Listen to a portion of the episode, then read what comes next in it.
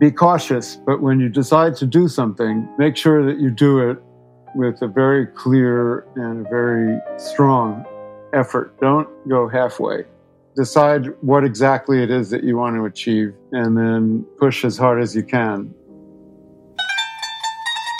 Welcome to uh, another episode of the Middle East podcast. So, for this last episode, it's like summing up really um, the state building in the Middle East. And to do that, of course, as usual, we have turned to the very best individuals we can find to discuss that. So, welcome again, I should say, to uh, Dr. David Pollock from the Washington Institute for Near East Policy. Thank you. Good to be with you. Right. So, let's jump right into it. With very few exceptions, states in the Middle East aren't exactly beacons of stability or cohesive and safe structure for their citizens. In general terms, what are your thoughts on the very state building? Uh, what what what you know what state building has developed, how it has developed over the last say 100 years since independence, leading up to the present rather bleak outlook? Well, you're right. Uh, the Middle East is uh, famous, and rightly so, for being a region of instability, both inside individual countries and in their relations with each other, often violent instability unfortunately. And this has been going on for at least the last century, which is really a pretty long time. And I think that the underlying reasons for it have something to do with the demography of the region that is countries and regions, whole subregions of the Middle East in which different ethnic groups and religious groups are mixed or living side by side and often with a lot of tension uh, for historic and religious reasons, uh, social and economic reasons. So that's one of the underlying factors. But that can't be the only thing because there are other places in the world where different demographic groups have learned, sometimes over many centuries, but they've learned, at least in the last hundred years, to live together harmoniously or at least pretty peacefully. So I think another fact, contributing factor is that many of these countries are relatively recent creations. And one way of looking at it, although perhaps it's not politically correct, is to say that the Middle East, compared, let's say, to Europe, is about a 100 years behind in historical terms, which is really not very much at all in the span of human history and culture. And that means that uh, the countries, the major countries in Europe, were formed in the late 19th century out of different pieces of uh, principalities, whether it was in Italy or Germany, or the result of decolonization um, or the breakup of empires, the Habsburg Empire, the Russian Empire, and so on. And it took a long time before those countries managed to attain a kind of sufficient coherence internally and sufficient uh, modus vivendi with their neighbors to see a region that was more or less intact, more or less peaceful. So the Middle East, you could say, is still living through that period of decolonization, of uh, nation building, of external interference in the affairs of other countries, whether from neighbors inside the region or from outside powers. And that helps to explain why it's so riven with sectarian and ethnic tensions and regional conflicts, and in general, lack of political and social stability. I would add finally one other factor, and that has to do with the question of democracy or the lack of democracy. It's ironic that in many cases, Middle Eastern countries went through a period earlier in the 20th century of something more like democratic rule, and then have in the last half century and more, I think some political scientists would say have decayed or degenerated into more autocratic rule, dictators, military rulers, chaos, uh, something that is very far from our or even their experience or ideas about electoral democracy and political stability. And in fact, what we see is, I think, a kind of reaction against democracy as a factor that causes instability and internal violence. Most recently, that has been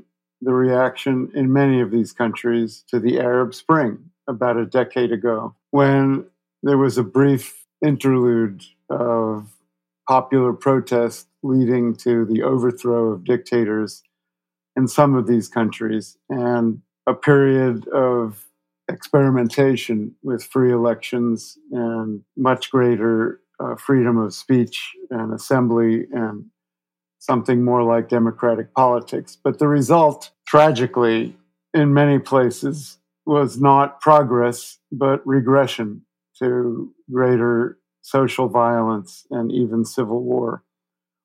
And so, people in many of these countries, and we see this in surveys and we see this in their actual behavior, have, I think, reverted to some extent at least to a popular preference for autocratic rule as maybe a better guarantee of some kind of social peace. And that helps to explain why, in the long run, we may see further episodes of instability because the popular desire for more representative government has been repressed, but it may return. Uh, and we've seen that in some countries of the region in recent years as well. But I don't understand really, David, because you say that we are sort of impatient because we have to look at this region as if it is like 100 years ago. Right. It's 100 years behind yes. us. But then you say there is no real progress. Right.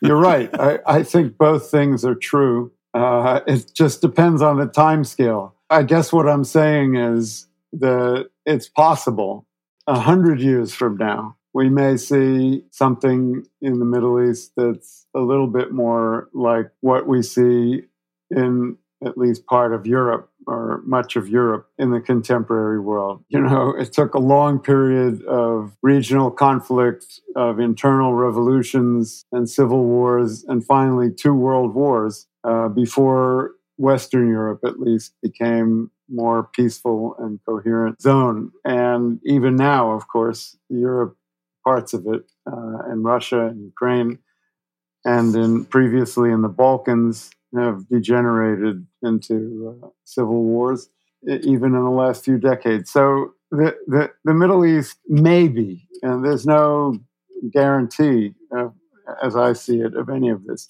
but maybe in a hundred years we will look back on this period and say, well, this was just uh, kind of a, a prelude to a better time what I'm trying to say is that I don't think there's anything inherently, necessarily, essentially unstable, violent about Middle Eastern societies or countries.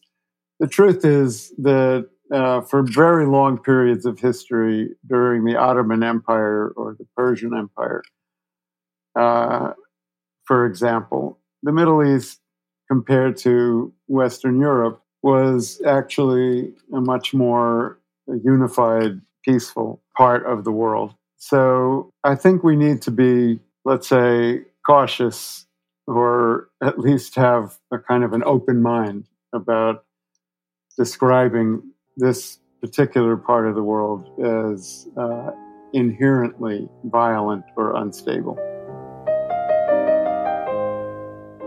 When you are explaining the reasons why this area is where it is, do you think we should also mention the dominant religion of this region? Is that another reason, maybe? It's a good question, Ricky. Um, and I, I've often, of course, asked myself that question. and I, I have to say that my short answer to that is no, because again, it depends on the time frame. If you're talking about, let's say, the early modern period of human history from roughly the 16th century through the 19th century, of course, the dominant religion of the region was Islam, as it still is today. Uh, but during those centuries, and I emphasize hundreds of years, the Middle East compared to Western Europe, where the dominant religion was Christianity, whether Catholic or Protestant, was overall a more peaceful and united zone. So I think it would be a mistake to imagine that there's something essentially, inherently, necessarily destabilizing or violent about Islam as a religion and uh, at least by comparison with other major world religions. And you don't think it's a problem that this is not only religion, but it's also a political project? Uh, a- absolutely true. Uh, and there's no doubt that what has happened, what, what you could argue, I think pretty convincingly, is that one of the problems of the Middle East is the politicization of religion of Islam, because that is the dominant religion in the region. For many centuries, Islam was the dominant religion, but it was considered to be more of a religious and less of a political identity. And there was a greater spirit, again, not absolutely so, but relatively speaking, a greater spirit of religious tolerance for different sects of Islam, for different religions other than Islam, for different interpretations, even within Sunni or Shia Islam, and for keeping religion and politics at some distance from each other, not completely, but more so than we, we've seen in recent decades.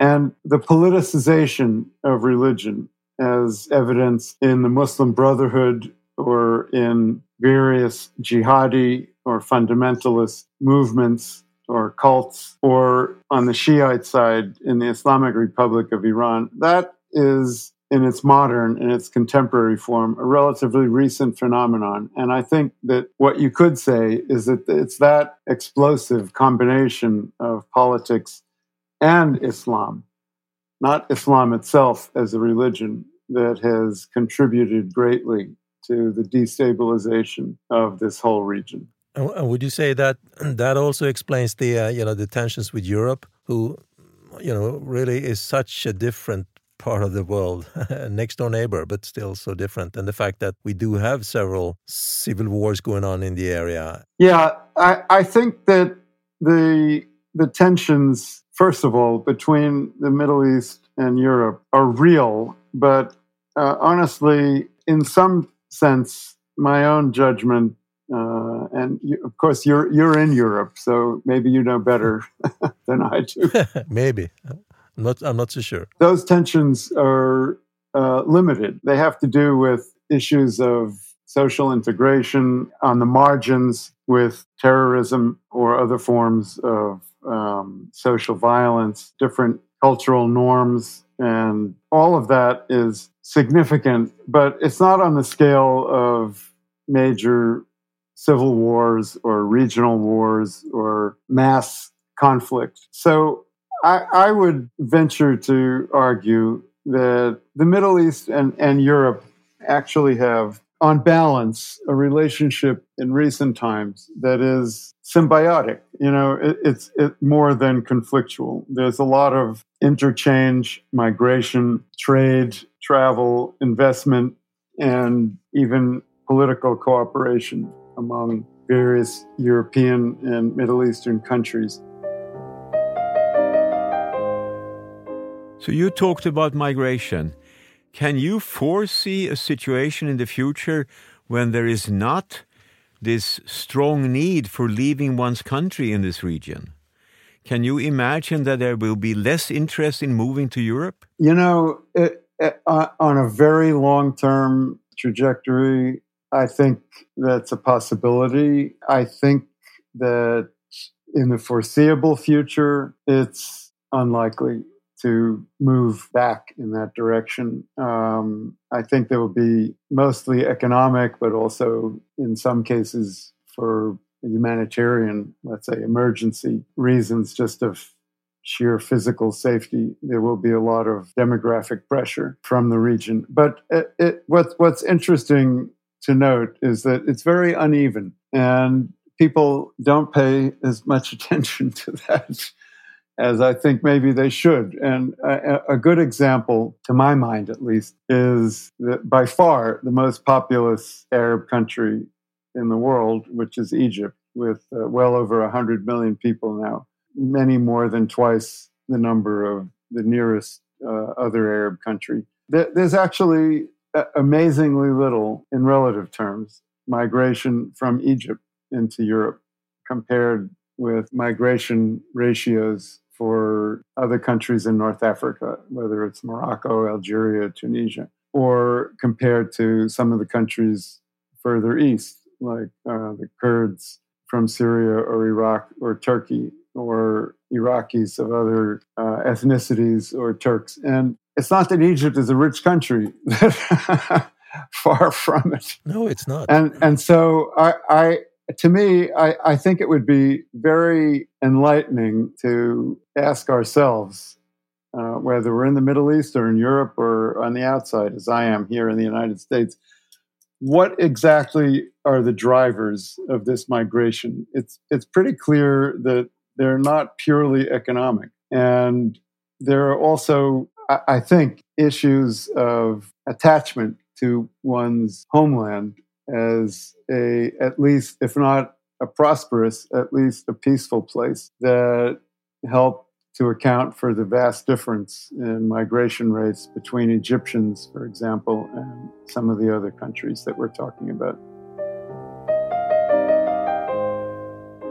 So, if we look at these other countries where there is a certain lack of, I don't know, nationalism, right, feeling for one's country, yes. So, is one reason the situation is the way it is that these countries to some extent are ruled by clans. Yeah clans or tribes. Yeah it's complicated uh, in my view. Uh, I, first of all I, I don't want to say that people in morocco or tunisia or algeria are not nationalists that they don't have an attachment to their country. They, they do.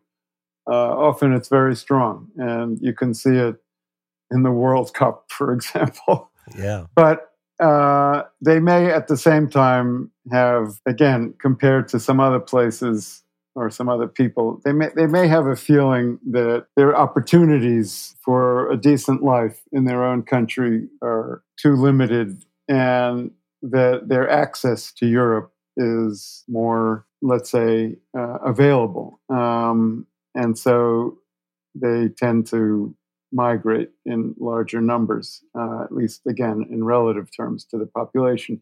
So it's true, as you said, Ricky, that many of these countries are in in effect are ruled by a kind of network of elites and there's a very strong class differential even if it's not officially acknowledged and that that has something to do with a general sense among many people at the lower end of the socioeconomic scale in those places that their upward mobility is blocked and that they need to, if they have dreams or ambitions of a better life for themselves and their children, that they, despite their attachment to their native land, that they need to go someplace else. And I think at, at this historical stage, it's a little bit uh, anachronistic to call them clans or tribes. It's not exactly that, but they're not necessarily related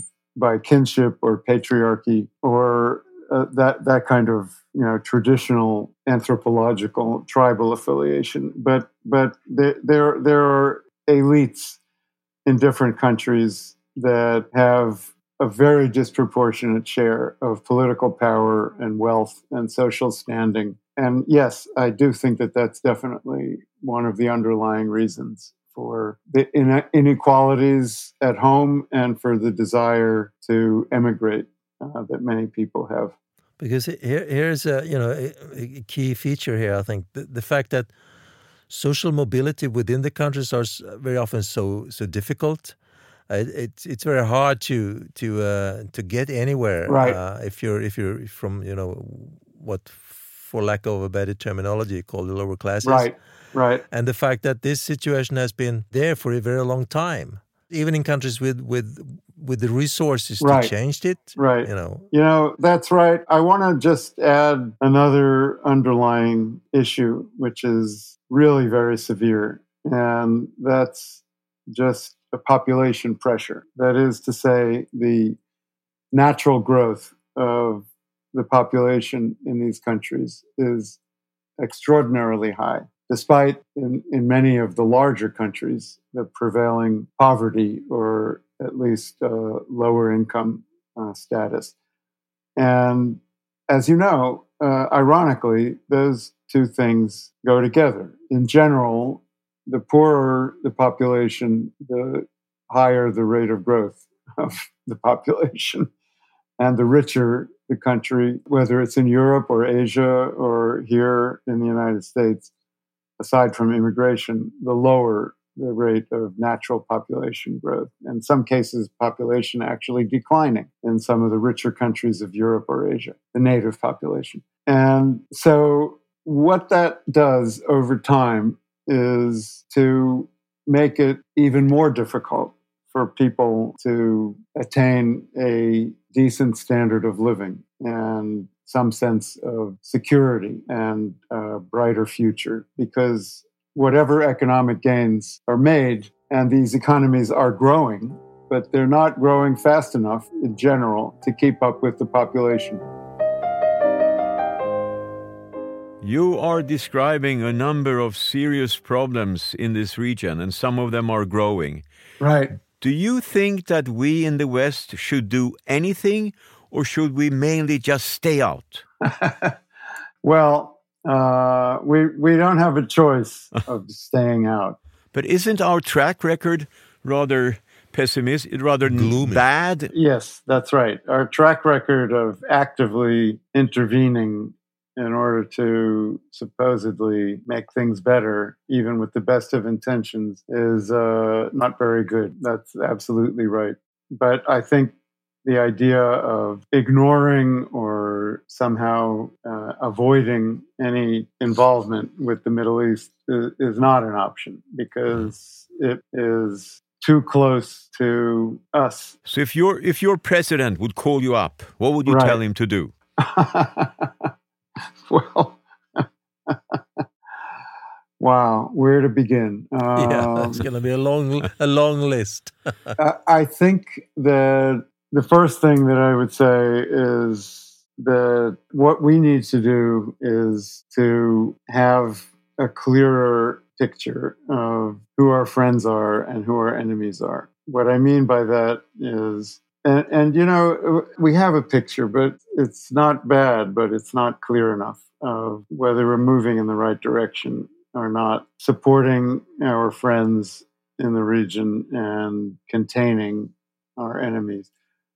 And I think that a good example of that is, to my mind at least, is Saudi Arabia. I think there's, on balance, we need to keep on good terms with Saudi Arabia as a better option than the alternative, whether it's Iran or the jihadis or just general chaos in the region. Uh, it's an example, but there are many others where I think we we need to have a, a, a clearer sense of what our priorities really are, and as I said, who our friends are and who our enemies are in that part of the world. You know, some of the recent developments here, like yeah. the uh, the what are we going to call it? The feminist revolution in Iran, for instance, the, right. the fact that things are happening there. on and, and they're still they are still happening even Yes. if they have suppressed it but there's there's still a movement there Yes. and and together with you know the Abraham Accords process Yes. which is right. it's it's not dead you know it's it's That's it's right. going on it's going That's on right. would you That's would right. you would it be fair you think to say that those two examples still points to possible you know positive changes Yes. can things change through this is Yes. there a, i mean for instance the fact that the iran all of a sudden said that the uh, the uh, the the virtue police uh, Right, i'm not i'm not sure about the english term here but it, no it's it's been abolished which Right. it of course hasn't Virtue Police översätts väl oftast med sedlighetspolis eller moralpolis. En styrka som finns i en del muslimska länder. Mest kända, eller ökända ska vi kanske säga, är sedlighetspolisen i Iran och Saudiarabien. but still, you know, it, there is a step. Something is happening here. The the the, the, Yeah. the regime feels the heat, if you like. Yeah. And yeah. and for the for the Abraham Accords countries, none have Yeah. sort of passed out.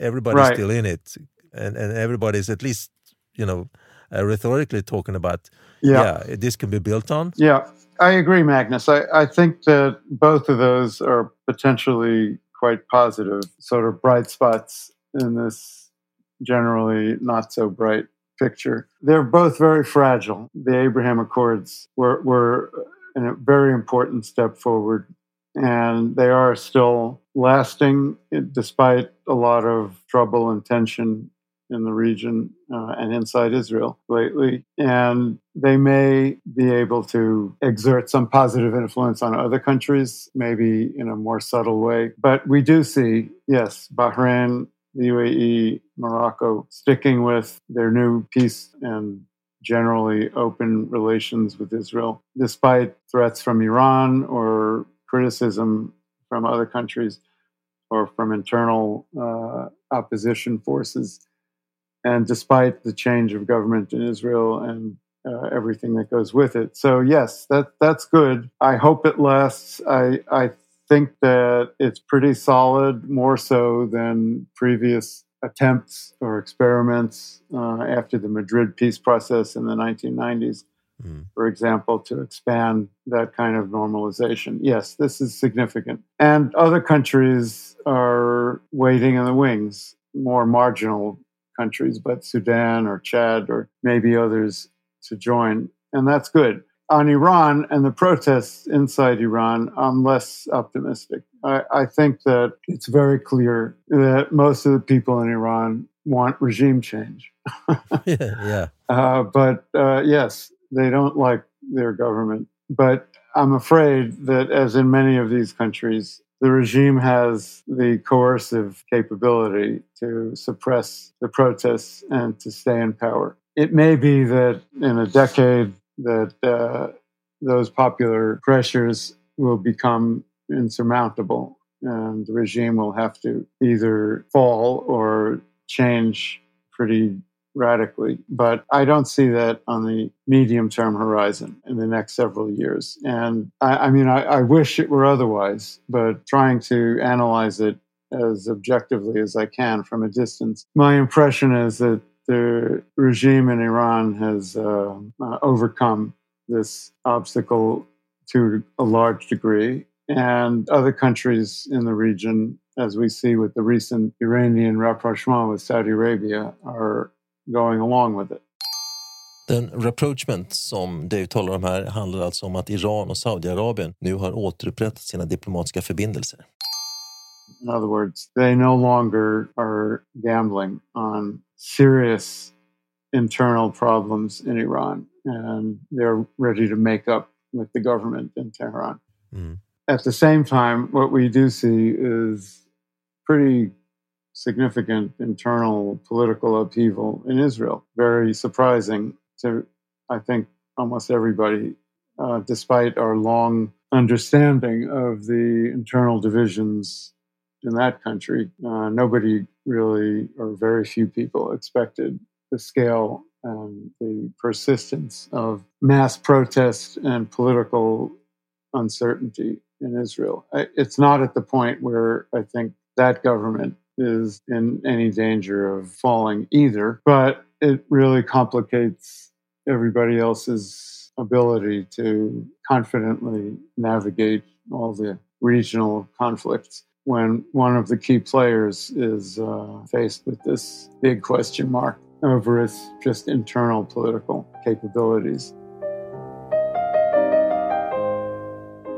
Are you ever surprised by these ongoing changes and shifts or partnerships in the Middle East? I mean, now we are in a situation where suddenly President al Assad of Syria is an accepted political leader Yeah. after Yeah. having been in the cold for many years. Right, right. And, and the question is basically are there any nations in this region that have real friends? Talking about your your you know we have to be clear about who are our friends and who are our enemies, Yes. but that Yes. that's a, that that can be a very tricky a tricky question. It is a tricky question. Yeah. Uh, I would say this that yes, alliances can shift uh, pretty suddenly. I, I'm I'm not at all surprised by Assad's ongoing rehabilitation, if that's the right word, uh, with other Arab countries, and what that is, in my view, is a recognition of reality, whether you like it or not. That uh, the uprising against President Assad, and I was in the beginning a strong advocate of the opposition in Syria,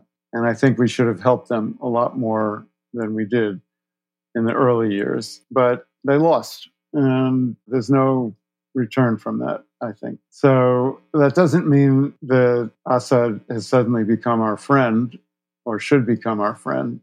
I don't think so at all. I think it's still an enemy, and I think his supporters, uh, whether it's Russia or Iran or Hezbollah, are also our enemies collectively.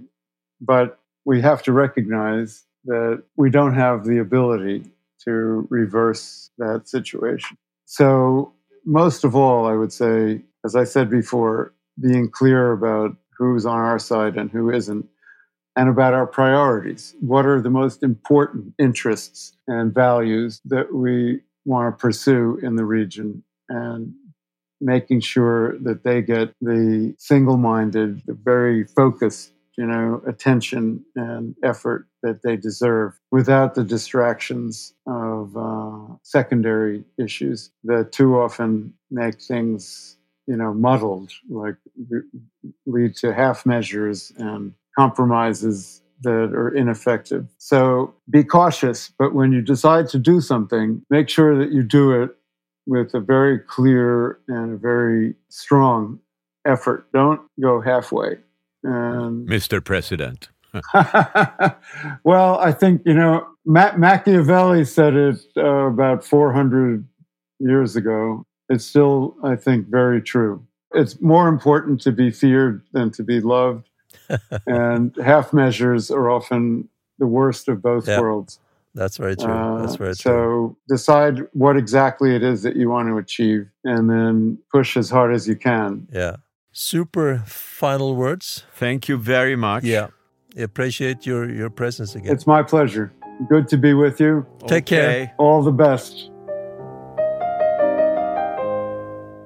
Det här var sista avsnittet för Mellanösternpodden för den här gången. Vi får se om vi kanske kommer tillbaka någon gång. Det beror på. Men just nu återstår bara att tacka alla er lyssnare och sponsorer som gjort det möjligt för oss att hålla på med det här sedan oktober 2020. Ha det gott!